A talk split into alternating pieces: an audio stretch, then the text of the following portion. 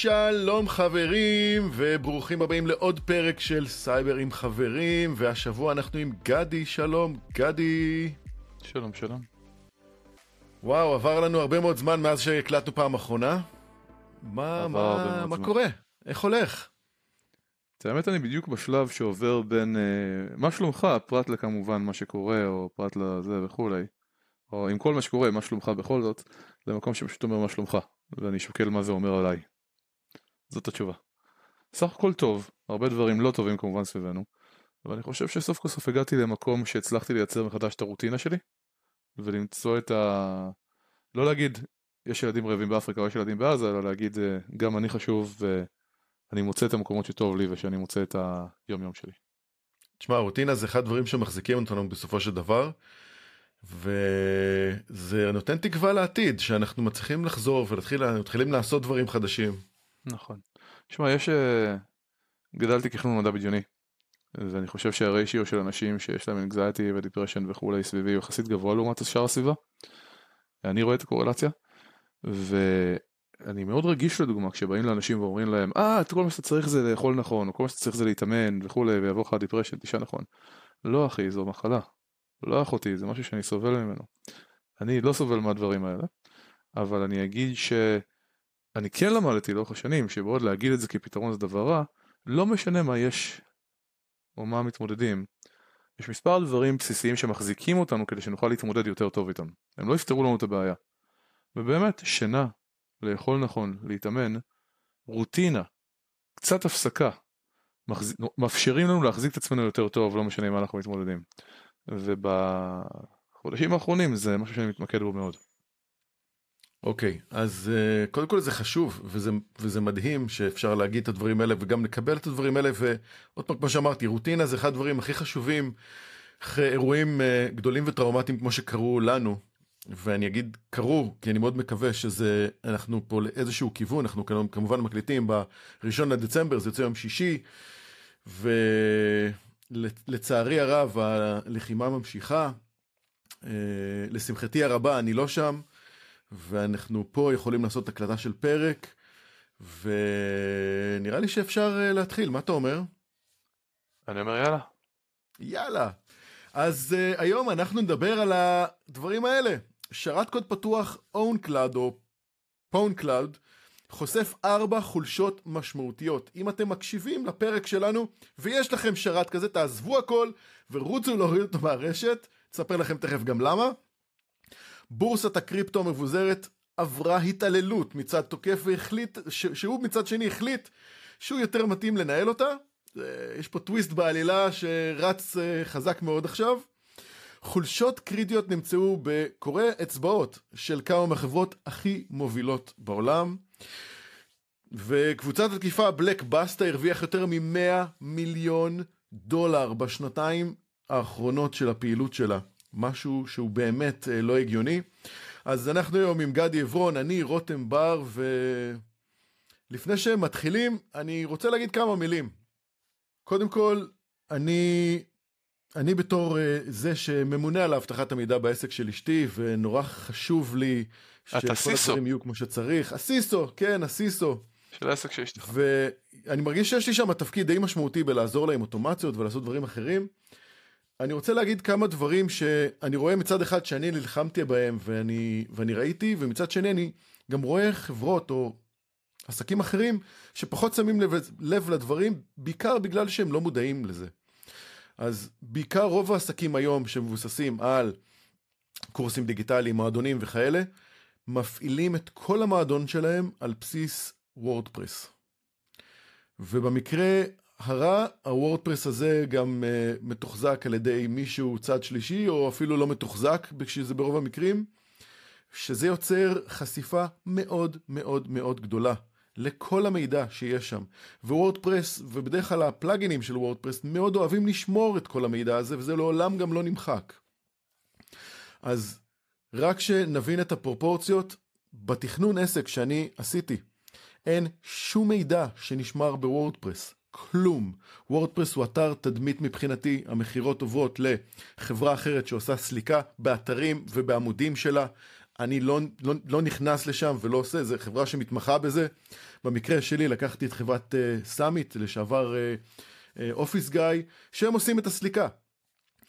כל הדאטאבייסים, כל המידע וכל הדברים מנוהלים בעסק של אשתי בכלל ב-Monday, ששם כל מי שיכול להיות לו איזשהו סוג של גישה למידע, חייב בסיסמה מאוד מאוד רצינית, ב-2-Factor Authentication, ואנחנו מוודאים ומסתכלים על כל אחד שיש לו גישה לזה, וממש מנהלים את זה ברמה של פרמישנים, כי זה מידע שחייבים להסתכל עליו.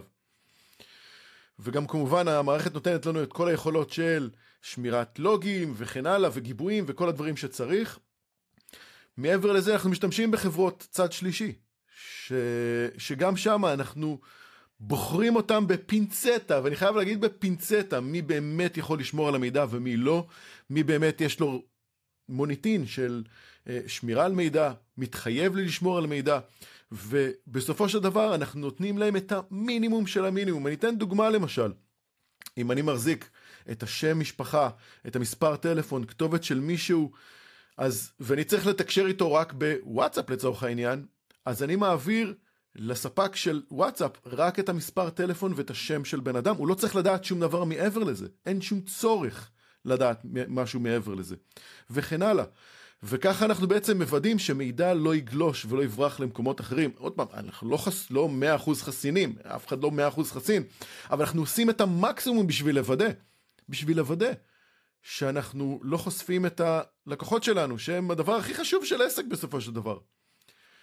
והדבר הכי חשוב, שאף אחד לא שם אליו לב, אם מישהו כבר לא לקוח שלנו, ועובר תקופת, אה, נקרא לזה תקופת התיישנות, חצי שנה, שנה, משהו שקבוע, אנחנו מוחקים את המידע. אין צורך להחזיק את המידע הזה, המידע הזה לא תורם שום דבר. באמת לא תורם. ואם אתם בכל אופן רוצים לדעת כל מיני פרטים על, על לקוחות שלכם, תעשו לו אנונימיזציה. זה כל כך קל ופשוט, אין שום צורך לשמור את המידע האמיתי של הלקוח. תמחקו את השם, תמחקו את המספר טלפון. אפשר למחוק המון המון דברים ולעשות אנונימיזציה, אפילו דרך hashים לצורך העניין. וזה משהו שהוא מאוד מאוד חשוב. גדי, אני יודע שעכשיו אתה פתחת סטארט-אפ בעולם של סייבר. אגב, מזל טוב, גדי. תודה, תודה. באמת מזל טוב. זה נורא כיף לפתוח סטארט-אפ וכמה שבועות אחר כך יש מלחמה. כן, זה אירוע... אבל אני אגיד לך משהו, מאוד, uh, אני מאוד מסכים איתך לגבי הצורך בדברים וה-best practices, וסקיוריטי זה חשוב. אבל אם אני הייתי uh, מנהל עסק קטן, כמו אשתך, לא חושב שמשהו מזה היה אכפת לי. לא רק שלא היה לי אותך לעזור, ולא רק שהיה לי... אתה יודע, אני אסתכל פעם, uh, הסתכלתי על סופרים, כי אני אוהב קצת לכתוב. וסופרים אומרים להם תקימו תשתית ו followers ו social media והכל ואתה מוצא אחד הדברים שלא אנשים לא יודעים על marketing שזה נחמד ומעניין אבל יש המון המון המון עבודה שלא נגמרת עבודה סיזיפית. ואתה מוצא את עצמך עובד שמונה שעות ביום רק להחזיק את הדף פייסבוק שבקושי יש לו איזה follower או שניים. ואני אגיד לך שאם אני עסק קטן לא מעניין אותי מכל מה שתיארת עכשיו. זה נכון זה best practice זה חשוב. אולי אני באמת חשוב לי בנושא ואני מודע אז אחת לאיזה חצי שנה אני אגיד, רגע, יש לי אנטיווירוס מותקן? אז אני מבין למה אתה אומר את זה, ודווקא אני שמח שפרסת את המתודולוגיה של איך התייחסת לעסק קטן. אבל בסופו של דבר אני לא רואה את זה כרלוונטי לשום דבר במציאות. ואני אגיד את זה אחרת. גם עסק קטן, ש... אם עסק קטן רוצה להמשיך להיות עסק קטן, אז הראש הוא כזה, forever. זאת אומרת, אם אתה רוצה למכור איזשהו ספר אחד או קורס אחד ו- ואתה מצליח להכניס כמה גרושים שם כל חודש ואין שום בעיה עם זה. אבל ברגע שעסק בא ומסתכל ואומר אני רוצה להיות משהו יותר גדול, אני רוצה להיות משהו יותר משמעותי, אני רוצה לה- לבנות את הדברים בצורה אז אני אתמקד בלקוחות שלי ואני אתמקד באיך אני משיג עוד ואני אתמקד באיך אני מוציא עוד כסף כדי שאני אתן שירותים ו value אמיתי ללקוחות שלי, אני לא אתעסק ב security. אז אני יכול להגיד לך בוא תיקח את השיעור של גוגל. גוגל התחילו מההתחלה ובאו ואמרו אנחנו רוצים להיות חברה גדולה. זה אומר שכל התשתיות שלהם נבנהו ב scale, או בצורה שאפשר לעשות לה scale. ואני יכול להגיד לך שלבנות עכשיו בסטארט-אפ דברים בסקייל, זה אומר שאתה מבזבז זמן שבאמצעותו יכולת להגיע לשוק, לראות שאתה בכלל רלוונטי לשוק, ללמוד מהלקוחות. איזה כיוונים עומדים או לא. כל הקטע הזה של פיתוח ומה שקוראים לו בעברית הכנה למזגן, לא אומר לך שלא צריך לבנות דברים נכון. ונכון שכחלק מהמהות של עולם הדבלופמנט אתה רוצה להימנע כמה שיותר מכתיבה מחדש של קוד וכל הדברים האלה וזה מחריד וכולי אבל לא אני ארוץ קדימה אני אשאיר דברים לא בנויים טוב אני אעשה כל דבר אפשרי כדי להגיע לשוק כמה שיותר מהר כדי ללמוד. כשאני יושב אצל לקוח זה עולם. אחר. שנייה, כשאני יושב אצל לקוח זה עולם אחר, אני רוצה שהמוצר יהיה יציב, אני רוצה שהוא יהיה enterprise ready, שזה גם מושג שמור. אבל דוגמה, אני, כחלק ממה שאני בונה כרגע, יש שם gateway, כן, שמתחברים דרכו לאינטרנט. ואני אומר, וואלה, אני לא יודע בכלל אם gateway זה משהו שהיום משתמשים בו בארגונים, כ best practice, או בסדר גודל של ארגונים, מה ה stack הטכנולוגי של ארגון גדול לעומת ארגון קטן, כשאני בא לפרוס את זה, האם בכלל, אין לך מושג מה קורה, אתה צריך להגיע ללקוח כמה שיותר מהר. צריך לגעת בלקוח, לראות אם הטכנולוגיה עובדת. אתה צריך להביא משהו שהוא MVP, minimum viable product, שתוכל להגיד, הנה, זה צריך לעבוד אצלך, אפילו אם זה לא מושלם, זה יביא לך value כלשהו. ואם אני אתמקד עכשיו, ובוא נבנה פה גם את ה login system, שאם יהיה לי שלושה לוגינים לא טובים, אני אחסום את כתובת ה-IP, שאפרופו, אתה לא תוכל להיכנס ל enterprise גדול בלי דבר כזה, כן, שנבדק ב pen testing, enterprise readiness שוב, אז אני לא אגיע ל feature המשמעותי שיכול היה לתת לי את ה value שהלקוח היה רוצה. לא. אני משקיע ב security כי זה חשוב לי. אבל אין ספק שלהתחיל לחשוב על הדברים האלה כעסק זה בזבוז זמן טוטאלי במיוחד שאין לך את הזמן הזה. ואני חייב לשאול את השאלה המתבקשת. ואם אם אשתך הייתה צריכה לעשות את זה, וגם היה לה את הידע והזמן, לא בטוח שזה היה נכון שהיא תעשה את זה. אני אשאל את השאלה המתבקשת הזאת, לפי מה שאתה מדבר, מתי הזמן הנכון להסתכל על זה בצורה הזאת? שאלה טובה. אני חושב שקודם כל, אני, אני מאוד מאמין בלעשות את זה, כן? כבן אדם, בוא נציב את העובדות. צריך לעשות security, זה חשוב גם לי, גם ללקוחות שלי, גם לעולם. חד משמעית. מאמין בכל אחד בשלושת ה pillars האלה. אבל אני גם יודע שעסק צריך- עסק צריך להתקיים, ואין לו את הזמן או את היכולת לעשות את זה, במיוחד עסקים קטנים. אז כשאני מציג את הדבר הזה, אני מוריד את הכובע security, ואני שם כובע ארגוני. וככובע ארגוני, יכול להיות שיש לי גם risks אחרים, שלא לדבר רק לבנות business. יכול להיות ש risk משמעותי לי, זה שעכשיו יש recession בעולם, אני יכול למות. אז מתי לעשות את זה? התשובה היא כשאתה מתחיל לגדול. כשאתה מתחיל לראות כן, שאתה מנהל יותר עסק מדי כל הזמן מחשבים. גודל, אז אז מה לא הנקודה נכון. הנכונה? עסק הוא לא כל הזמן גדל, יש עסקים שהם מאוד, אה, אה, זה העסק שלי וזה מה שאני עושה ונחמד לי. אבל אם אתה באמת הגעת למצב שיש לך כבר עשרה מחשבים, שזה לא סתם להתקין איזה אנטיווירוס עליו, כן? עשרים מחשבים. יש לך איזה שלב שבו אתה מוצר שלך מתחיל ללכת ללקוחות באופן שיטתי ואתה צריך לעבור compliance. לענות על שאלונים, להראות שיש לך ISO 2701 או SOC 2, זה מביא את עצמו. ברגע שאתה צריך איש IT, אתה צריך ככל הנראה לדאוג ל security. עכשיו, מתי הזמן נכון באמת בשבילך? אני לא יודע. אבל כשיש לך שלושה אנשים שעובדים, או בן אדם אחד שעובד, ויש מחשב אחד לכל אחד, והעסק שלך הוא בכלל נגיד טיפולי כמו מסאז', כן? אני לא יודע באמת כמה אתה עכשיו צריך לדאוג ל security. כמה שהייתי רוצה שתעשה את זה, זה לא, זה לא דרישה הגיונית. אנחנו כ industry, אנחנו צריכים לדאוג למצב שבו אנשים לא יצטרכו להשקיע כל כך הרבה משאבים והבנה שיוכלו לדאוג ל security של עצמם די בקלות בלי לחשוב. זאת המטרה האמיתית כאן, לדרוש מהם עכשיו להקריב זמן עבודה, שגם אין להם את היכולות כדי לדאוג ל security, נשמע לי מגוחך. אוקיי. העניין הוא ש... ואפרופו זה מאוד קשה היה לי להגיע לנקודה הזאת בחיים שלי שבה אני אומר משפטים כאלה של ה business בא קודם ואיזה שלב נכון לכל דבר ואיך אפשר לצפות מהאנשים שיעשו security אם אני לא יודע לעשות security בהכרח לעצמי בצורה הכי נכונה. תשמע, בסופו של דבר זה להסתכל לאמת בעיניים. עסק בלי הכנסות, או שלא יכול להביא אותו עצמו לנקודה שהוא מרוויח כסף בצורה נורמלית, שיכולה לסבסד את עצמו, הוא לא עסק, הוא הולך הביתה. האם אתה תלך עכשיו ותשלח אה, הודעה בוואטסאפ ל-50 אנשים שהגיעו אליך בשנה האחרונה שלא בקשר איתך בעסק של המסאז' ותגיד אני עושה מבצע מיוחד לחגים, אוקיי? או שתשקיע את אותו הזמן בלהגיד בוא נבדוק כאן את ה security שלי או למחוק לקוחות שאני לא צריך מה mailing list שלי. שהלוואי, אני מאמין בזה כל כך, אני רוצה שיעשו את זה, אבל זו לא בקשה הגיונית, אנחנו צריכים לספק יכולת טובה יותר לנהל עסקים שזה בצורה secure. אם אתה בכלל יודע איך. תראה, אנחנו מדברים על עולם שבו, אם, נכנסים רגע לפרק הקודם, אנשים נכנסו לאתר שנתן להם אה, מפתחות להשתמש בקריפטו והם השתמשו בהם. זה כאילו, אנשים משתמשים במה שיש. הם אפילו לא שואלים שאלות, הם אפילו לא מעלים את זה. אתה אומר עסק על מסאז', בסופו של דבר, יכול להיות לך עסק שהבחור עושה מסאז'ים, כמו שאמרת, אין לו שמץ של מושג בעולם הזה של וואטסאפים, מסדי נתונים, דברים, והוא לא אפילו צריך. לא חושב בכיוונים האלה. והוא לא צריך. אני הייתי רוצה שהוא יחשוב בכיוון הזה.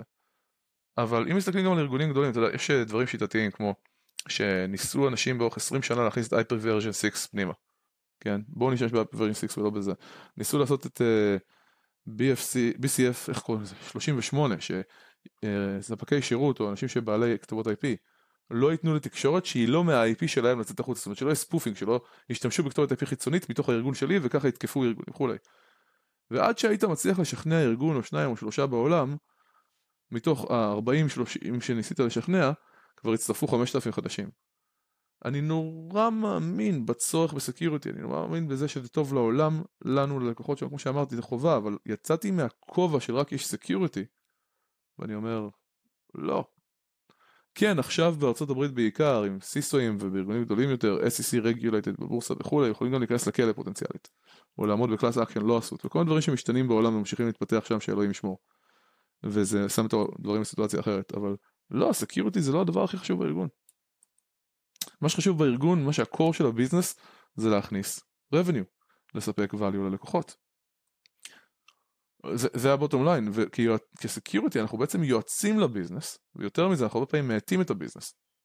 ב-2004 הייתי בכנס CISOאים, ואמרו לי, כן, ROSI, return on security investment, בוא נתמקד בזה. היום, אחר כך התחילו לדבר על בוא let's enable the business, אחר כך התחילו לדבר על כל מיני דברים. שמעתי איתה בלינקדאין אפילו, לא מכיר אותו אישית. את ה CISO של ליווייס אומר, כל vendor שמגיע אליי לחדר אני שואל אותו, איך אתה עוזר למכור ג'ינסים? אני אומר, אין לי מושג איך אני עוזר למכור ג'ינסים, מה הוא רוצה בחיים שלי? אבל עכשיו אני, לפני חצי שנה שמעתי עוד פעם אומרים לאנשים ROSI, אנחנו מסתובבים סביב זה, אבל בסופו של דבר, אנחנו cost center. נכון. אנחנו cost center, ואיך אתה יכול להרשות לעצמך cost center, אפילו אם זה בזמן שלך, כשאתה לא מגיע אפילו לעשות marketing לעסק שלך.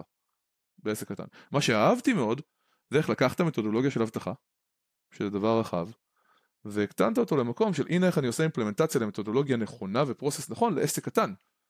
כי אתה יכול לדבר על למה בחרת בזה ולא בזה, אתה יכול לדבר על איך עשית לזה אימפלמנטציה בכלל בארגון, אבל אם אתה לא היית בעלה של אשתך, זה לא היה קורה. אז המתודולוגיה, ולדבר פילוסופית עכשיו, בוא נדבר על זה שעה, אני איתך. זה כיף, זה מעניין. למה דווקא זה? איך עשית את זה? אבל uh, השאר, לא, אני עושה פושבק רציני, אשתך לא צריכה לדאוג מסקיוריטי, ואשתך, למרות שלפי החוק צריך, לא צריכה לדאוג מהדייטאבייסים האלה, למה? כי היא צריכה קודם כל לשרוד כעסק. וזה לא פייר לדרוש את זה ממנה. אז אתה אומר בעצם הפתרון פה זה רגולציה. לא, זה לא מה שאני אומר. אני אומר בחלק מהמקומות רגולציה עושה טוב, בהרבה מקומות היא עושה רע. איפה שאני יכול אני אעזור לאנשים להיות יותר מאובטחים. לדוגמה, היא יכולה לדעת מראש שהיא לא צריכה לשמור בהכרח מידע אקסטרה על הלקוחות שלה. נכון?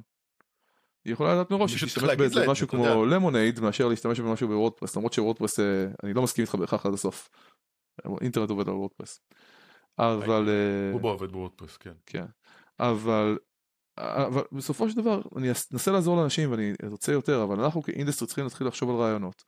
איך אנחנו דואגים לכך שהם לא יצטרכו לדאוג מזה. כשהקמתי את הסטארט-אפ הקודם שלי, Cyber Deception, באתי ואמרתי הרבה דברים לגבי האסימטריה של תוקף לעומת אה, מגן, שנגיד כרגע אם תוקפת מגיעה היא צריכה להצליח פעם אחת בלבד, אני צריך להצליח כל פעם, כן? או אין repercussions, זאת אומרת אקונומית, אם תוקף נכשל, וואלה למי אכפת, כן? זה לא, זה לא משנה, אם אני, אני לא מכניס אותו עכשיו לכלא, ברוב המקרים, נכון? ואפשר להמשיך ולדבר על enterprises, שאם יש לך, הצלחת, אה, אה, שהם יכולים להוריד את ה... כלי ההגנה שלנו, ללמוד אותם במעבדה, לשנות כמה ביטים ולעקוף אותם עם ה malware שלהם. למרות שהיום זה לא בדיוק נכון, כי חלק מכלי ההגנה, כמו ב-EDR, מתבצעים בכלל רחוק ב cloud וכולי, החישובים שלהם והכל, ה-biz logic.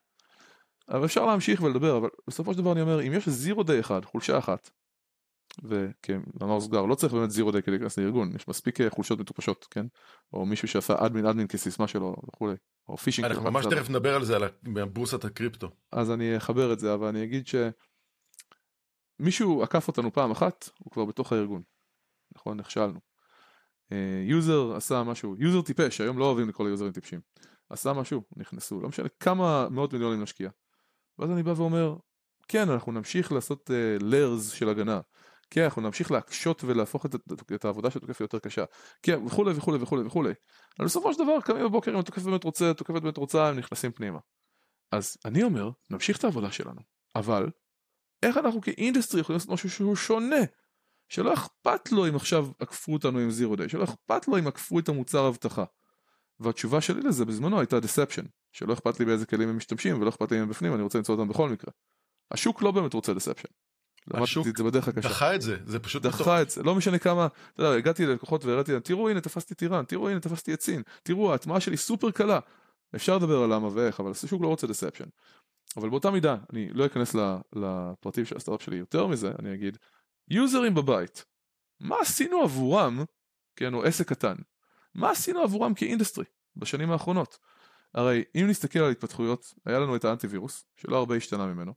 אפשר לתת קרדיט ל-VPN שחלק מהאנשים משתמשים בו, כי לרוב זה כדי לראות נטפליקס או להוריד משהו. אפשר לתת קרדיט לנגיד כל ה-password vaults, אה, one password, last pass וכולי, שאולי שיפרו קצת את האבטחה של היוזר בבית. אפשר להגיד שמייקרוסופט עשתה באמת המון צעדים קדימה כדי להבטיח את מערכת ההפעלה והיוזר. אפשר להגיד שב-Gmail להעביר אליך phishing וספאם זה כבר יותר קשה. אבל איזה באמת חידוש כלשהו, איזה באמת מוצר כלשהו, שירות כלשהו פונה ליוזרים בבית ואומר אנחנו נאבטח אתכם ונעזור לכם.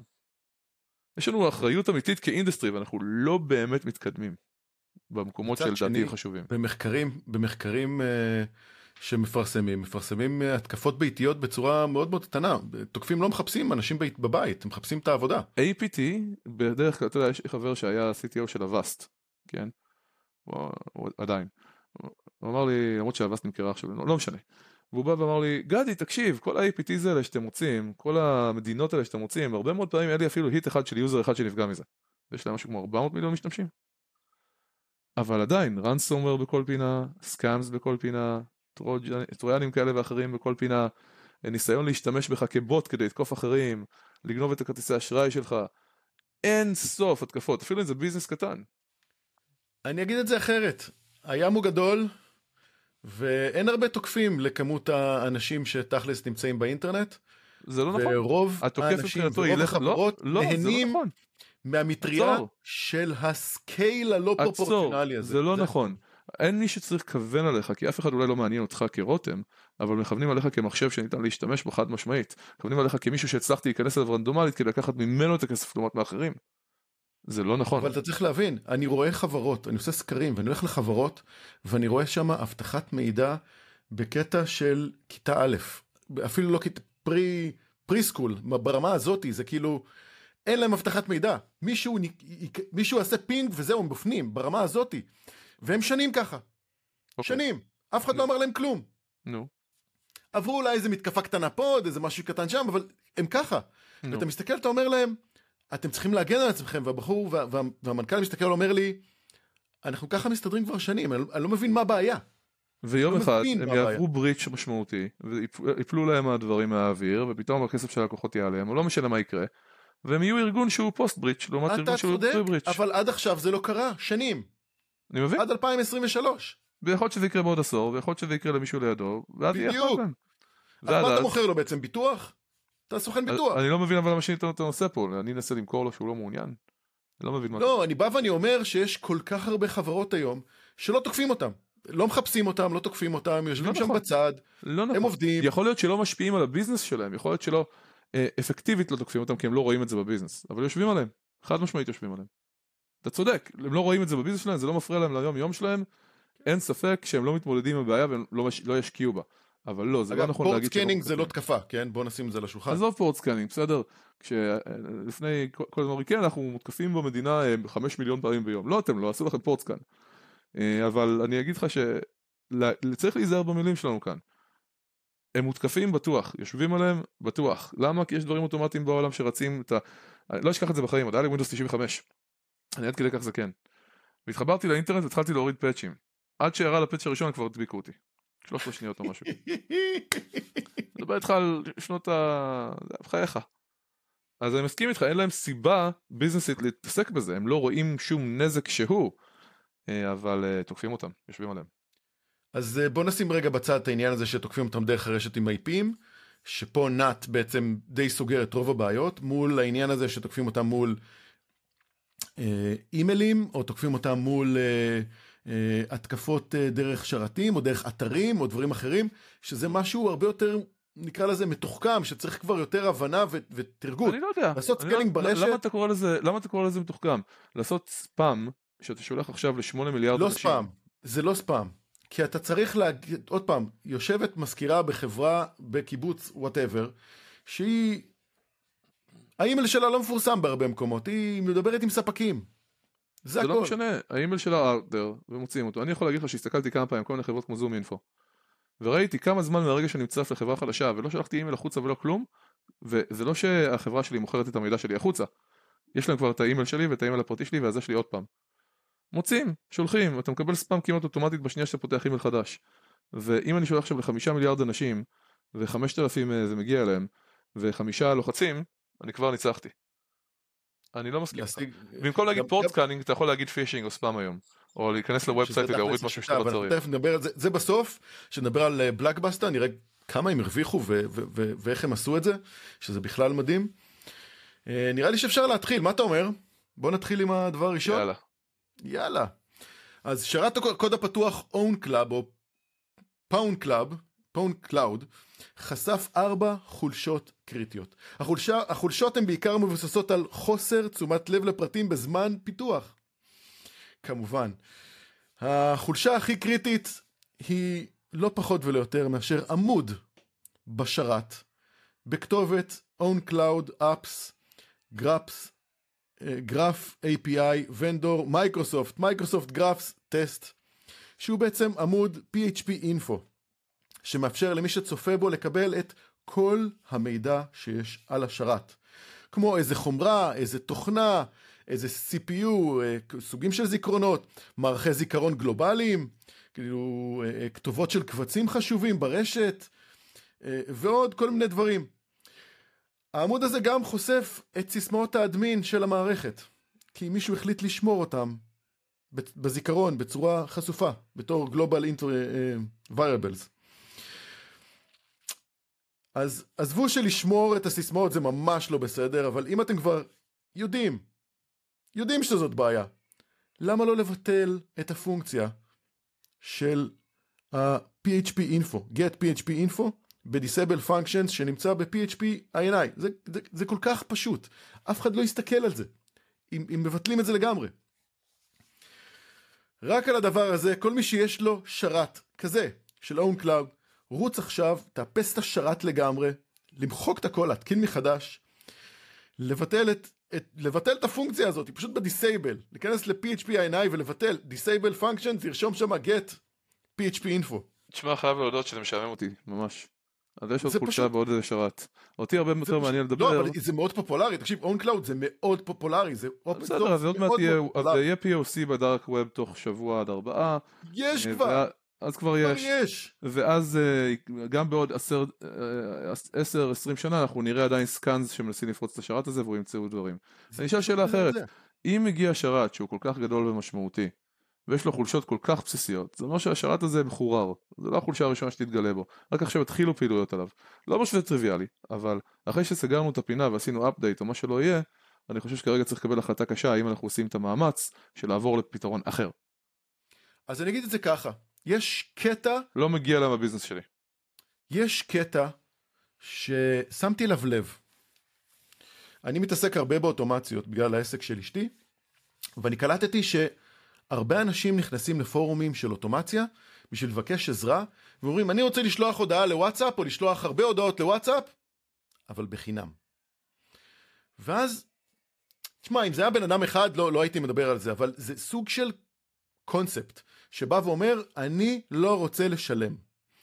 וברגע שאתה בא ואתה אומר את המילים האלה, אני לא רוצה לשלם, בתחושה שלך, אתה נמצא באיזשהו סיטואציה שבה ואתה אומר, אני מוכן לקבל כמעט כל פתרון שתביאו לי.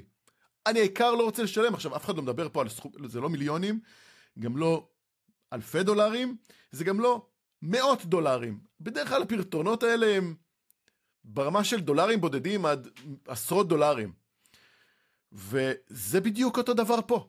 יש פה כמות מאוד מאוד גדולה של אנשים שהחליטו כהחלטה אסטרטגית בחיים שלהם שהם לא מוכנים לשלם על פתרון ויהי מה, ואני מקבל את ההחלטה, זה שלהם, זה בסדר, אני לא. בהכרח חושב שזו החלטה רעה, אני לא בא ואני אומר, אני אומר זה לגיטימי.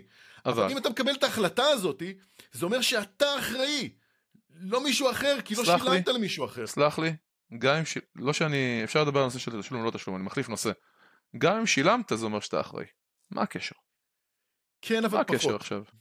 כי יש ציפייה. לא.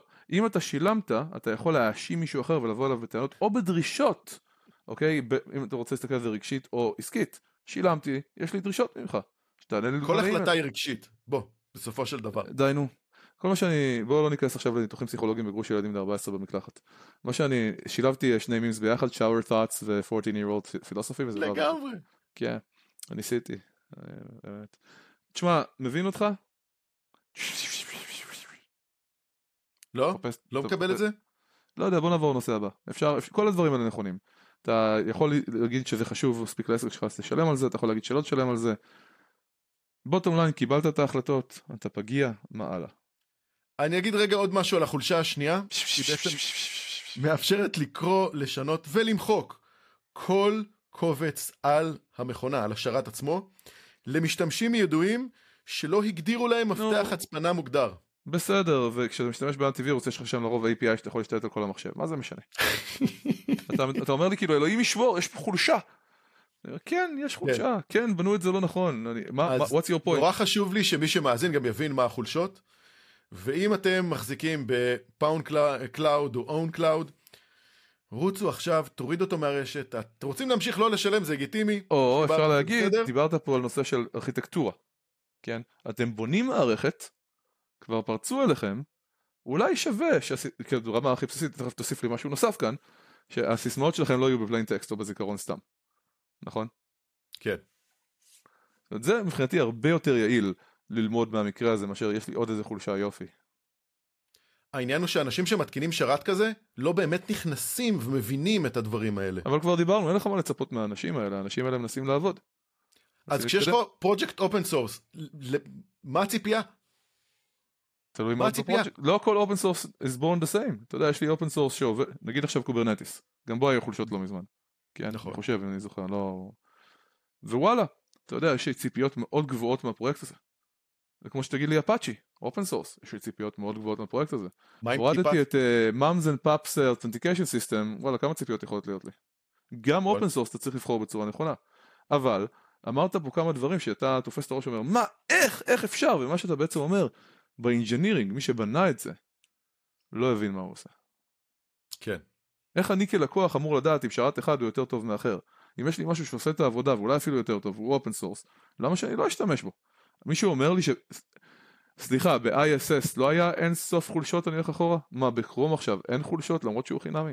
מה, ב... תראה, אם אתה מדבר פה על, על קלאודים וכאלה, גם ב QNAP יש מלא חולשות, כן? יש כל הזמן חולשות, אז השאלה באמת, כשאתה בוחר מערכת, איך אתה עושה את זה? על פי איזה פרמטרים, איך אתה בודק, והאם security האם אתה שם את ה-usability או את ה-security? והאם אתה בכלל בודק. ואם אתה בכלל בודק ומסתכל, שזה גם נכון. אז, אז, אז תשמע, ב- כשהתחלתי את הקריירה שלי, ישבתי על משהו שאנשים, אולי סיפרתי את הסיפור הזה בעבר, אני לא יודע. ישבתי ב-IRC, צ'אט סיסטם, ודיברתי עם אנשים כל היום. אה, גם אתה היית ב-IRC, גם אני הייתי. גם אני. הייתי ב-IRC. אני התחלתי בדור של ה-IRC, לא בדור של, של המודמים, של ה-BBSים, למרות שהייתי שם. באזור. שנייה, אני אשתיק כדי שאני אשתעל. תודה רבה, היה נעים מאוד.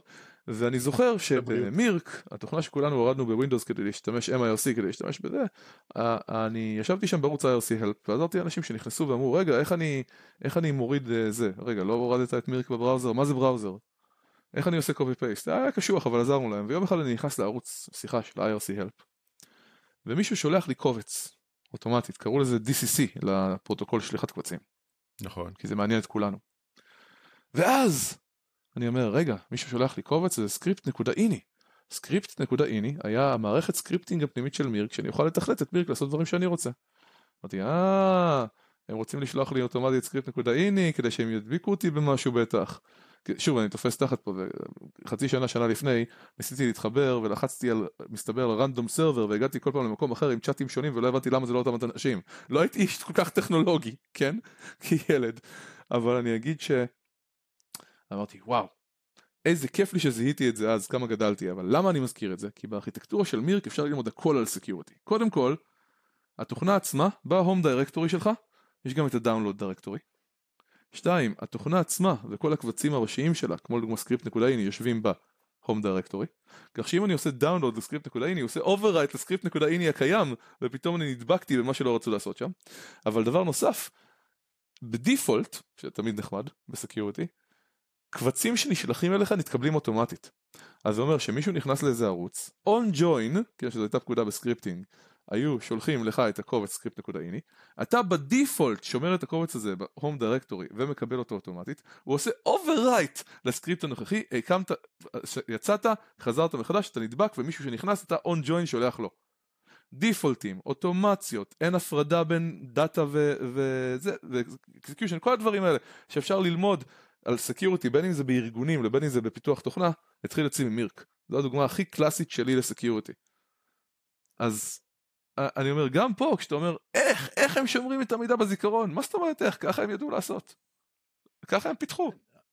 אף אחד פשוט לא, לא הסתכל על זה כמו שצריך. מה, מה, כשאתה בא ו... ואני נורא אוהב אותך באמת, ואני גם מרגיש כמוך, אבל כשאתה בא ואומר, איך, איך אפשר, ואתה תופס את הראש ואתה מתרגש, מה התשובה שהיית רוצה לקבל? הייתי רוצה להבין, אם, תראה, אם זה פרויקט open source זה משהו הרבה יותר פתוח ומוגדר, אבל אפשר לבוא ולהגיד, איפה המקומות שאנחנו באמת צריכים את המידע הזה? איפה המקומות שאנחנו מוגבלים? ואנחנו צריכים את זה תוכנתית. איפה, מי, מישהו החליט ש, ש, ש, לשים את זה שם. אז שאתה באחת התוכניות הקודמות התלוננת על דבר דומה מול מייקרוסופט, שלמה לזה יש את הפיצ'ר הזה, ומי חשב עליו, ולמה השאירו אותו, ולמה פיתחו אותו ככה, אתה זוכר את זה? תמיד. מה זה, משהו ב Outlook על אה, לנגן קובץ משהו, לא יודע מה. אז הבנתי שיש למי ששולח האימייל אפשרות לנגן לך קובץ אחר. ב... כן. אז אני אומר, אוקיי, זה מייקרוסופט, יש לנו ציפייה מסוימת ממייקרוסופט שאנחנו קונים מהם, היום, לא בעבר. נכון.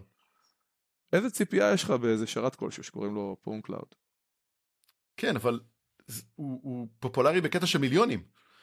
איפה, הפרופ... איפה הפרופורציות? הוא עובד. somebody did good. פתחו משהו שבאמת, פיתחו משהו, פתחו משהו לעולם, שבאמת עובד ועושה משהו טוב. הצליחו להגיע להצלחה כבירה בזה שיש לך community ואנשים מורידים ומשתמשים בזה. האינטרנט רץ, יוזרים שמחים, אנשים מסוגלים להקים עסק שאחרת היה עולה להם מיליונים על 2 דולר פה, 14 דולר שם, כן? ואתה אומר רגע מה עם security? אני אומר, אה, אה, מה עם security באמת? אנחנו באמת ציפינו שיהיה שם משהו? כל הכבוד להם. אז מה המטרה עכשיו? לבוא ולהגיד, טוב יאללה זה בסדר? לא. צריך להגיד, אחד, יש לנו את ה ownCloud הזה, חבר'ה, שימו לב לעניין של לעדכן, ושימו לב שככל נראה הוא לא מובטח ויתחילו למצוא שם עוד חולשות עכשיו. שתיים, שאתם בונים תוכנה, תסתכלו על ארכיטקטורה, יש פה דברים פשוטים, כמו אל תשימו בזיכרון את הסיסמאות או ב plain text או whatever, אוקיי? ושלוש, אנחנו מבינים כמה שכואב לנו שהעולם רץ על business ועל functionality וזה שאנשים רוצים לזוז קדימה זה לא הולך להשתנות. job security אנחנו מדברים על job security בסופו של דבר לעצמנו. כן.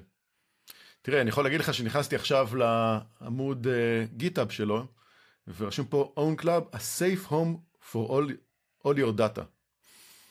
אוקיי ניצחנו אה, זהו נגמר צריך לתבוע אותם. class action לא פשוט כדי לפתח את זה הם הבטיחו, הבטיחו סייפום.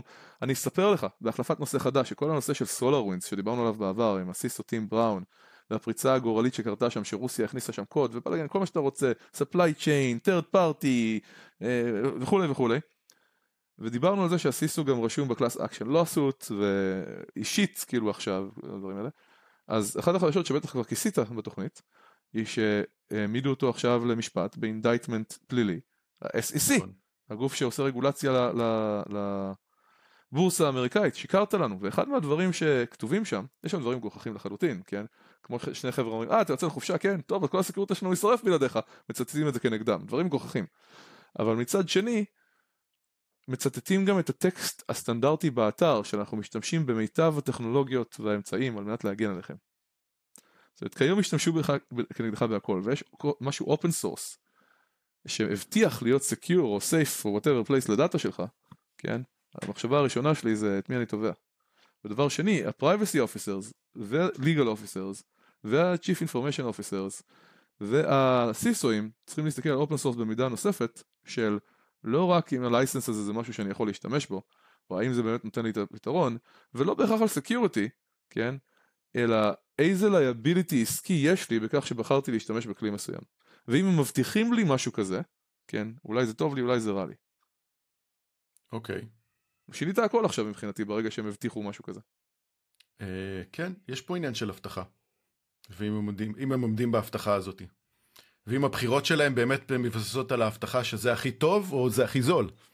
מה שדיברנו מקודם. מצד שני, אחד הדברים ב-SEC עכשיו שרואים, זה שהם אומרים שם משהו על מערכת אה, עדכון סיסמאות או patching, אני לא זוכר כרגע מה. ולכולנו יש מערכות מסובכות בארגונים גדולים, עזוב אותך של עשרת אלפים איש, אלף איש, גם בארגונים של 500 איש, כל כך הרבה דברים שאנחנו לא יודעים, או שאנחנו מנסים לקדם, או שאנחנו לא מצליחים, או שפוליטיקה אומרת לא, עכשיו אנחנו חייבים ללכת קודם כל לטפל בלקוח, או בוא נשים את זה באמת ב-quarter הבא, או נעשה תוכנית לחמש שנים קדימה, whatever. עצם זה שהם לא תיקנו את המערכת הזאת כמו שהם רצו בזמן, משתמשים בזה כנגדם כרגע. כן. האם אנחנו עכשיו אומרים איך לא דיווחתם לנו שלא טיפלתם במערכת patching סיסמאות whatever. האם אנחנו כן. עכשיו כחברות צריך לדווח על כל דבר? לא, אני לא יכול להיכנס להם לציציות ברמה הזאת, במיוחד לא ל-open source, אתה לא רוצה אל תשתמש. אבל אם אתה בוחר להשתמש בזה כארגון, ואתה לא סתם mom and pop shop, יכול להיות שיהיה לזה משמעות בהמשך. אה, כן, אז בואו נעבור לנושא הבא. לפני, רגע, כבר אין את הסאונדים? הורדת אותם מהתוכנית? יש תקלה היום, מצטער, אה, מתנצל. מראש. אוקיי, בוא נראה. אם זה ישתחרר אולי, לא, זה עדיין יש תקלה.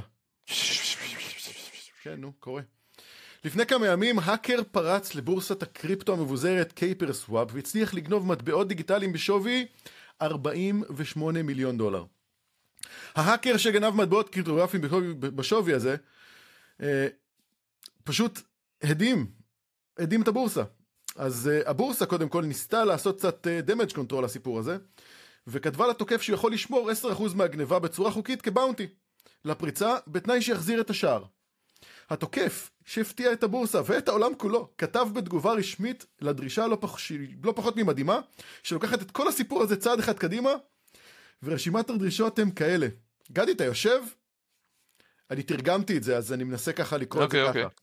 יאללה, אני שליטה. הוא, הוא רוצה את זה ככה, זה הדרישות שלו. שליטה כן. מלאה על Kyber כחברה, סמכות ובעלות מלאה, זמנית וקבועה על מנגנון הממשל KyberDAO, על מנת לחוקק שינויים חוקתיים, ואז הוא רושם כתובת הארנק הנוכחית שלי מתאימה לזה. כל המסמכים והמידע הקשורים לגיבוש החברה, פרוטוקול, מבנה, תפעול, הכנסות, רווחים, הוצאות, נכסים, התחייבויות משקיעים, משכורות וכו'. הבא, מסירת כל נכסי קיבר כחברה. מדובר גם על נכסים ברשת ובנכסים שהם מחוץ לרשת, והוא כולל אך לא מוגבל למניות, הון, אסימונים, כאילו טוקנים של KNC ולא KNC, כאילו קיבר ולא קיבר. שותפויות, בלוגים, אתרים, שרתים, סיסמאות, קוד, ערוצים חברתיים או כל קניין יצירתי ואינטלקטואלי אחר של קיבר. לאחר שדרישותיי ייענו, אספק את הדברים הבאים, ופה גדי, אתה נופל. אתה מוכן? לא בא לי ליפול, אבל יאללה. מנהלים, החלק שלכם בחברה יירכש לפי שווי הוגן. נאחל לכם בהצלחה בפרויקטים העתיד- העתידיים שלכם. לא עשיתם שום דבר רע, נפלה טעות קטנה, עיגול לכיוון הלא נכון, כל אחד היה יכול לעשות אותה, פשוט מזל רע. אמרנו שזה יכול לקרות, נכון? מהמם. ממשיכים, עובדים. במסגרת המשטר החדש תוכפל משכורתכם. מובן שעובדים קיימים רבים ירצו לעזוב ללא קשר. העובדים שלא ירצו להישאר יקבלו פיצויים של 12 חודשים עם מלוא ההטבות והסיוע במציאת קריירה חדשה, ללא שאלות. No question asked. מחזיקי הסימונים ומשקיעים, לפי האמנה זו, הסימונים שלכם, הטוקנים שלכם כבר לא יהיו חסרי ערך. זה לא מספיק מתוק בשבילכם? אני עוד אמשיך. בניהולי, קיבר תעבור מהפך מוחלט וזה כבר לא יהיה ה-DAX, שזה Decentralized Exchange, השביעי הפופולרי ביותר, אלא פרויקט קריפטוגרפי חדש לגמרי.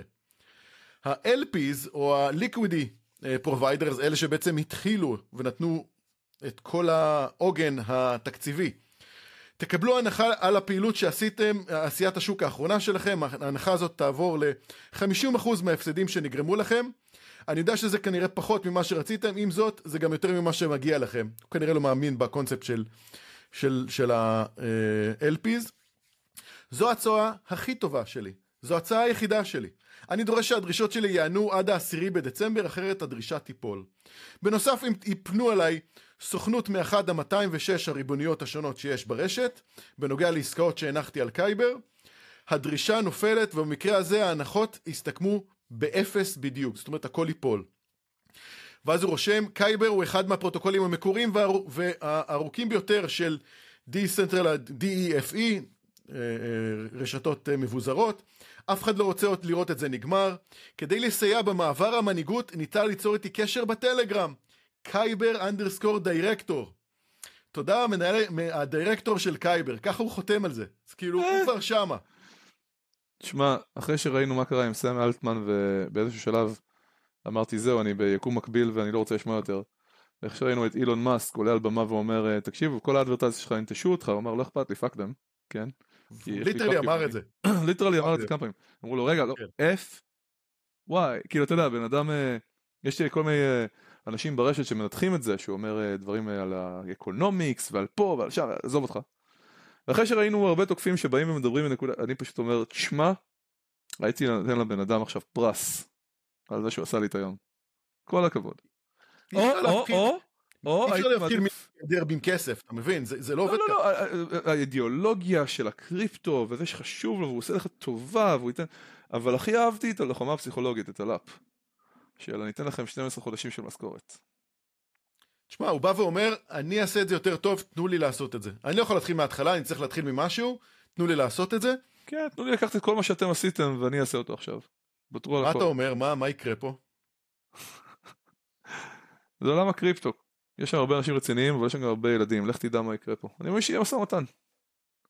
אתה חושב שיש פה ממש מצב, מצב למשא ומתן? כי הוא די בא ואמר, "אה, חבר'ה, אני לא יודע אם אני מאמין לו.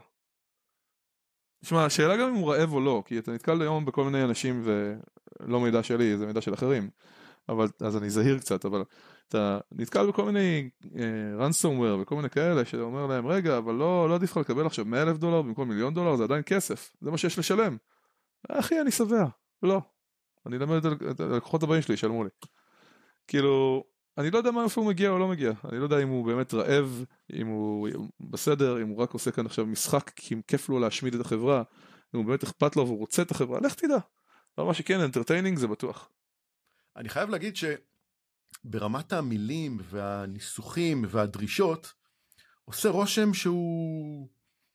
או שהוא אמריקאי, או שהוא... אני לא יודע אם הוא אמריקאי או לא, אבל די ברור שהוא מבין עניין. הוא ממש מבין עניין. תקשיב, יש פה... יש פה ממש דרישות לרמת הפרטים של הפרטים. אני לא יודע עד כמה ChatGPT באמת יכול לעזור עם כל, ה... כל הניסוחים של כל הדבר הזה בקונסטלציה הזאת. יט. כאילו אם היית אומר ל-ChatGPT בוא אה, בוא תלמד עכשיו את, אה, את אה, עולם הקריפטו. אתה עכשיו לא היית אומר לו ChatGPT you are now a crypto expert אוקיי? ואתה ספציפית גם עכשיו אני אתן לך את ה, כל הדיווחים והאתר והמסמכים וכל הדברים האלה של ארכיטקטורה ו-marketing מה שאתה רוצה של חברה בשם מה שלא קוראים לה כן? ואני רוצה שתגיד לי מה הנקודות המשמעותיות שהייתי צריך בעצם לטפל בהן מול ה-board אם הייתי רוצה לעשות שינוי מנהיגות בחברה, או שינוי אה, צורת הפעולה של החברה, whatever, זה לא יהיה מושלם, אבל זה יתחיל אותך בכיוון הנכון. טוב, קיבלתי. זה עדיין מעניין, ואנחנו ננסה לעקוב אחרי הדבר הזה. כן, הנושא הבא. קוראי האצבעות, אה, קוראי טביעות האצבע של החברות Goodix, Synaptics ו-ELAN נמצאו חשופים בצורה ממש ממש לא טובה. שוב מכרו לנו אבטחת מידע בצורה ממש טובה. יש לך קורא אצבעות במחשב הנייד, זה... זה מובטח, אל תדאג, הכל בסדר. התחושה הזאת שרק האצבע שלך עובדת לפתוח את המחשב או הטלפון זו תחושה שמרגיעה אותנו, זה פשוט עובד. זה ממש כמו מנעול שרק אני יכול לפתוח. אבל האם זה נכון? האמת היא שכל פעם שנכנסים למקומות האלה של מנעולים דיגיטליים אנחנו תמיד מוצאים עוד ועוד חורי אבטחה ברמה של חברות סיניות שלא, שלא שילמו מספיק לאף אחד.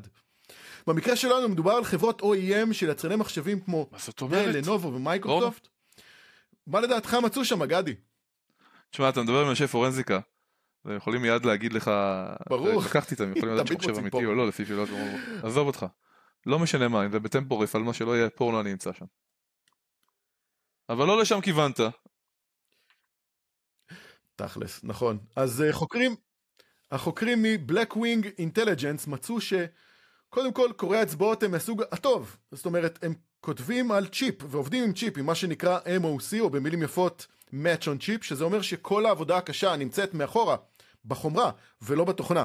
כמו שצריך לעשות, כמו שמייקרוסופט תכננה, או בכלל תכננו את זה נכון. אבל, ויש אבל גדול, ה-MOC יכול לעבוד ממש ממש טוב כדי לוודא שהמידע נשלח ללוח אם גם לא ישוכפל, אבל זה לא באמת מגן על החיבור מסנסור אחר שתוקף יתקין ויחבר למחשב ב-USB וישלח למערכת אישור על זיהוי.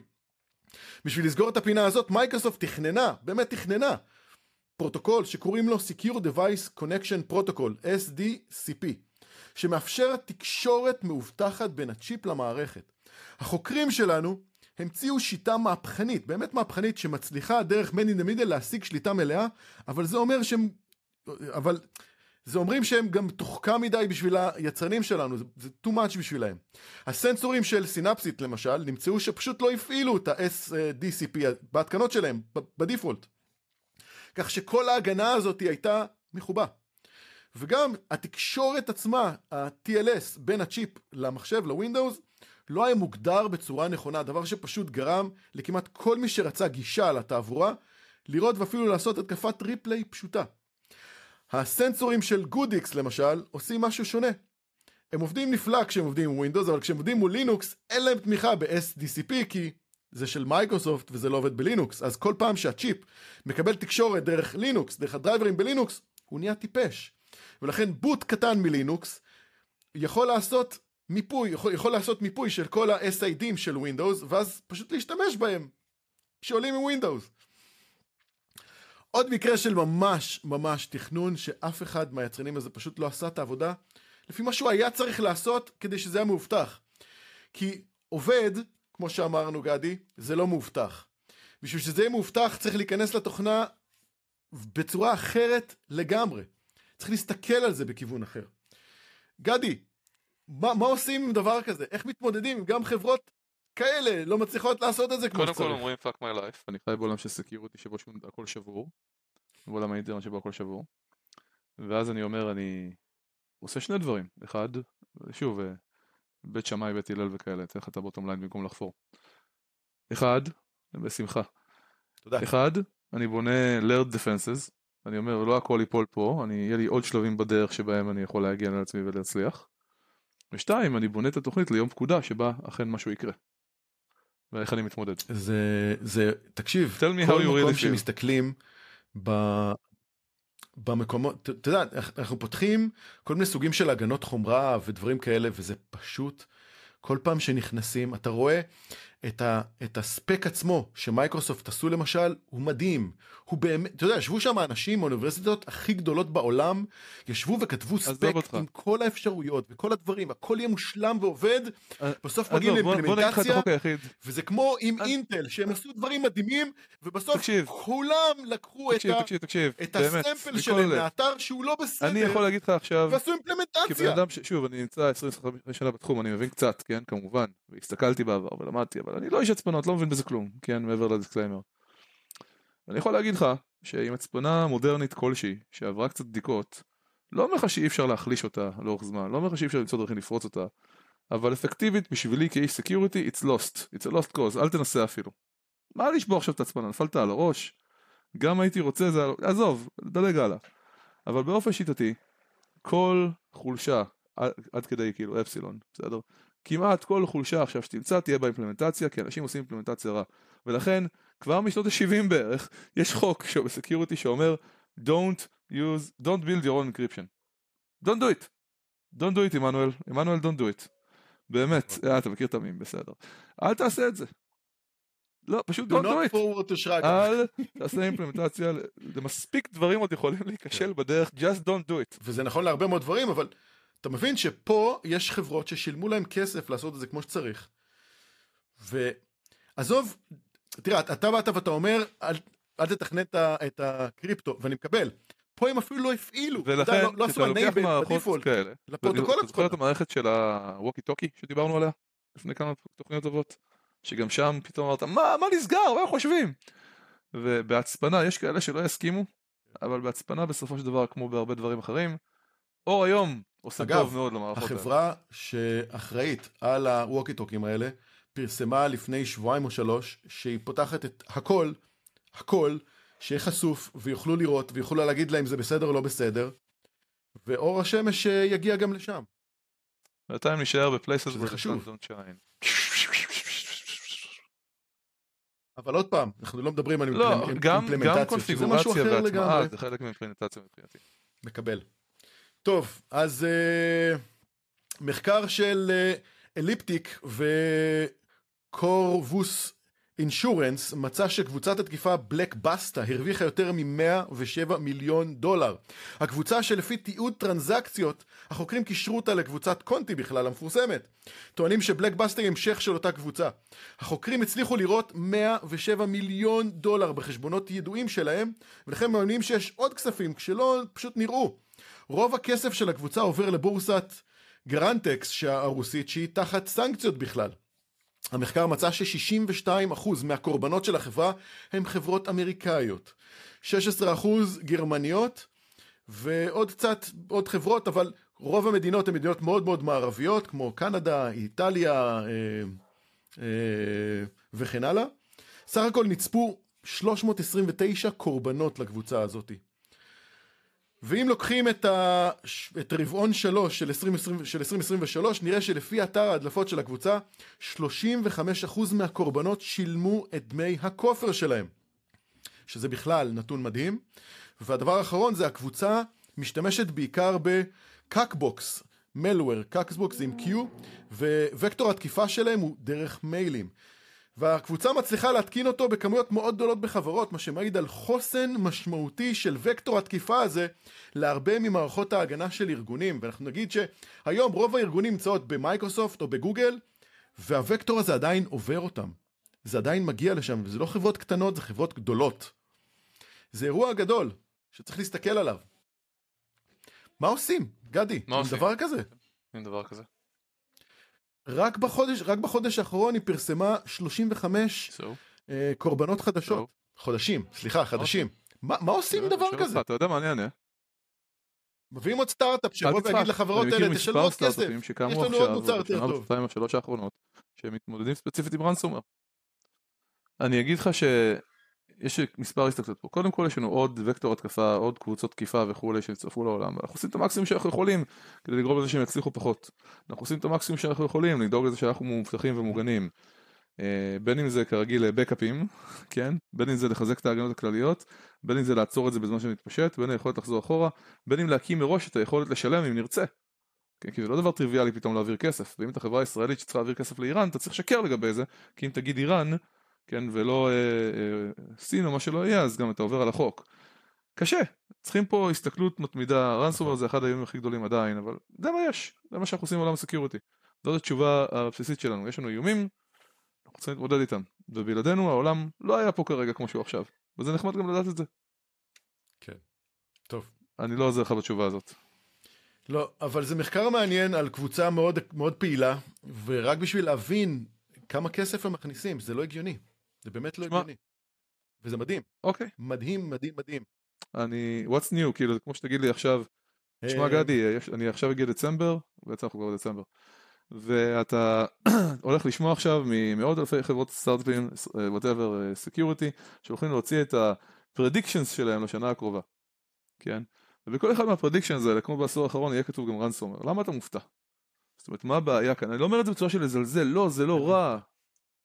AI ו-AI, עכשיו יכניסו אבל AI. תגיד לי, כאילו, אה, ישלבו AI בבלוקצ'יין, בכלל יקבלו מיליארדים. אבל באמת, אני שואל אותך, למה, למה אתה מופתע, לא ברמה שלא, אני לא מסכים איתך, לא ברמה שלא צריך לעשות משהו, וצריכים לעצור אותם, וצריכים שיהיה אכפת לנו, באמת, אבל למה אתה מגיב לדברים האלה בצורה הזאת של מה, איך, אני לא מבין. למה? אתה איש security, אתה פה הרבה זמן, אתה יודע שאנחנו עושים את המקסימום, אני- משפרים את העולם שלי- אבל זה לא, זו לא עבודה קלה. למה אתה מגיב מה, מהמקום הזה של what the fuck? כי אני אוהב את העבודה שלי, אני אוהב את הלקוחות שלי, אני אוהב לעזור לחברות ולאנשים, וכשאני רואה דברים כאלה, זה עושה לי את הקווץ' בלב. זה באמת עושה לי קווץ' בלב. שאלה טובה, אבל זה משהו שאני רץ איתו הרבה מאוד זמן, אני רואה עוד ועוד חברות שבעצם מגיעות לנקודה שאין להם שום כלים בסיסיים, ואז הם באים אליי ואומרים לי, תקשיב, קיבלנו ransomware, אנחנו לא יודעים מה לעשות, והשאלה הראשונה שהיא שואלת אותם, יש לכם גיבויים? ואז במקרה הטוב אומרים לי, כן, יש, אבל במקרה הרע אומרים לי, גיבויים? לא חשבנו על זה קודם. ואז אם, אם הם אומרים אין גיבויים, אני אומר להם, זה הכל, נגמר, היה נחמד, ביי ביי, להתראות, אין מה לעשות. ברוב המקרים אין מה לעשות היום, היום רוב הקבוצות משתמשות ב... ב- בהצפנות שהן סטנדרטיות, שאין וגם באמת הגיעו מה לעשות, לרמת ובאמת אפשר פרופשיונליזם גבוה מספיק, שלא שם איזה משהו. את החולשה הפשוטה ולעקוף את ההצפנה. כן, בדיוק. ו- וכן, אני אוהב לעזור גם אני, לאנשים, גם אני, אבל אני לעזור לחברות, ואני, ואני מגיע למקומות, ובאמת, זה עושה לי טוויסט בלב. אנשים נתנו שם שנים מהחיים שלהם, אנרגיה, יכולות, דברים, ובסוף מגיע איזה פיראט שבא ולוקח להם את הכל בהינף, בהינף דעת. כן, אז, זה, זה אז אני אגיד לך. שאני איתך שם הייתי הרבה זה מאוד משהו שנים, שנוגע לי בלב. ועדיין כל פעם שאני נתקל במשהו כזה אני אומר את ה-what the fuck הזה, אני אומר shit, ואני אומר איך עוזרים, ואתה מכיר אותי כבר, כאילו, מקפיץ את כל העולם מתחיל לעשות. אבל בסופו של דבר, אנחנו צריכים להכיר בזה, ומחזיר אותנו להתחלה, שאנחנו כשוק, לא רוצה להגיד שנכשלנו, כי בלעדינו לא הייתה אינטרנט. באמת, ואנחנו יכולים לקחת גאווה, לקחת את הגאווה הזאת לעצמנו. אבל אנחנו לא דוחפים קדימה, אנחנו חוזרים על אותם הדברים, אנחנו לא בונים את הדברים נכון מראש. והרבה מהדברים האלה גם לא יקרו ואנחנו צריכים לקבל את זה. דיברנו על קסנדרה מהמיתולוגיה היוונית, שמבחינתי אנחנו. היא קיבלה את, ה, את, ה, את הברכה של נבואה לדעת את העתיד, אבל קוללה שאף אחד לא יאמין לה. וברגע שאנחנו מתחילים לדבר על זה, אנחנו צריכים להבין שאנחנו חיים בעולם שהוא חברתי, פוליטי, אנתרופולוגי, גם אם יש לך את התקציבים, ציני, אבל גם אם. יש לך את התקציבים, לא בהכרח ילכו לשם. איך, לא משנה מי אתה, או מי את. אם אנחנו רוצים לקדם משהו בעולם הזה, זה יותר מאשר לעבוד רק עם עצמנו ולעשות איזה מחקר. הכל יהיה חברתי בסוף, אנחנו נצטרך לעבוד בצוותים, כן. אנחנו נצטרך לשכנע אנשים. אנחנו עולם של בני אדם. אני לא יודע אם הכל רגשי, אבל הכל. בני אדם. וכן, נמאס לי מהקקבוט הזה, ונמאס כן. לי מהרנסובר הזה, ונמאס לי, כולם חוצפנים, ואני רוצה להביא להם שתי סטירות. ויותר מזה, הם באמת, הרבה מאוד מקרים אנשים שבאמת רעבים ללחם היו, כבר היום פחות. ואני יכול איכשהו לחשוב שאני סולח להם, אבל הרבה מאוד הם פסיכופטים שלא אכפת להם מכלום ולא רואים שום דבר בעיניים. אז uh, ההיתקלות הזאת ברוע, ברשע, קצת נתקלנו בזה בש... בזמן האחרון, היא קשה. ואני אומר שאנחנו יכולים לעשות את המיטב איפה שאנחנו יכולים, עם מי שעובד איתנו.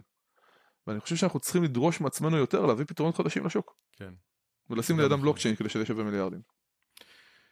כן, והגענו לסוף התוכנית, ואני רוצה להודות לך, גדי עברון, שהעברת איתי תוכנית אה, אה, עולה ויורדת, וימינה ושמאלה, היה נח- נחמד מאוד דווקא.